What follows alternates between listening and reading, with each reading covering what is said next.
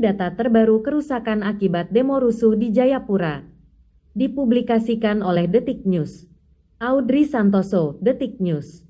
Jakarta, kondisi kota Jayapura, Papua, berangsur kondusif malam ini.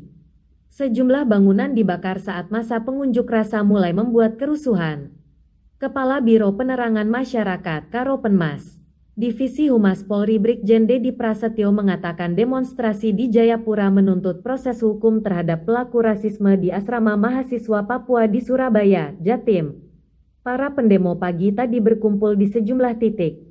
Diketahui hasil sementara informasi di lapangan bahwa masa sudah melakukan aksi pembakaran dan perusakan terhadap fasilitas-fasilitas di kota Jayapura, kata Dedi dalam keterangan tertulis, Kamis, tanggal 29 Agustus tahun 2019. Baca juga Jokowi, pemerintah komitmen majukan Papua, jaga tetap damai.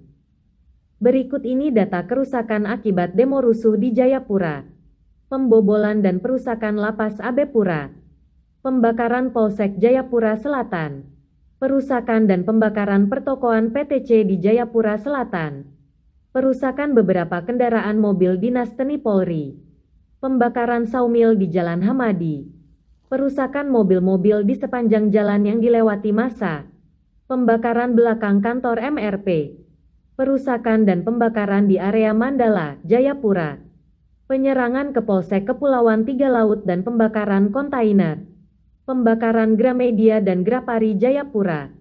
Dari informasi yang dihimpun Polri, ada sekitar 5.000 orang yang berdemonstrasi.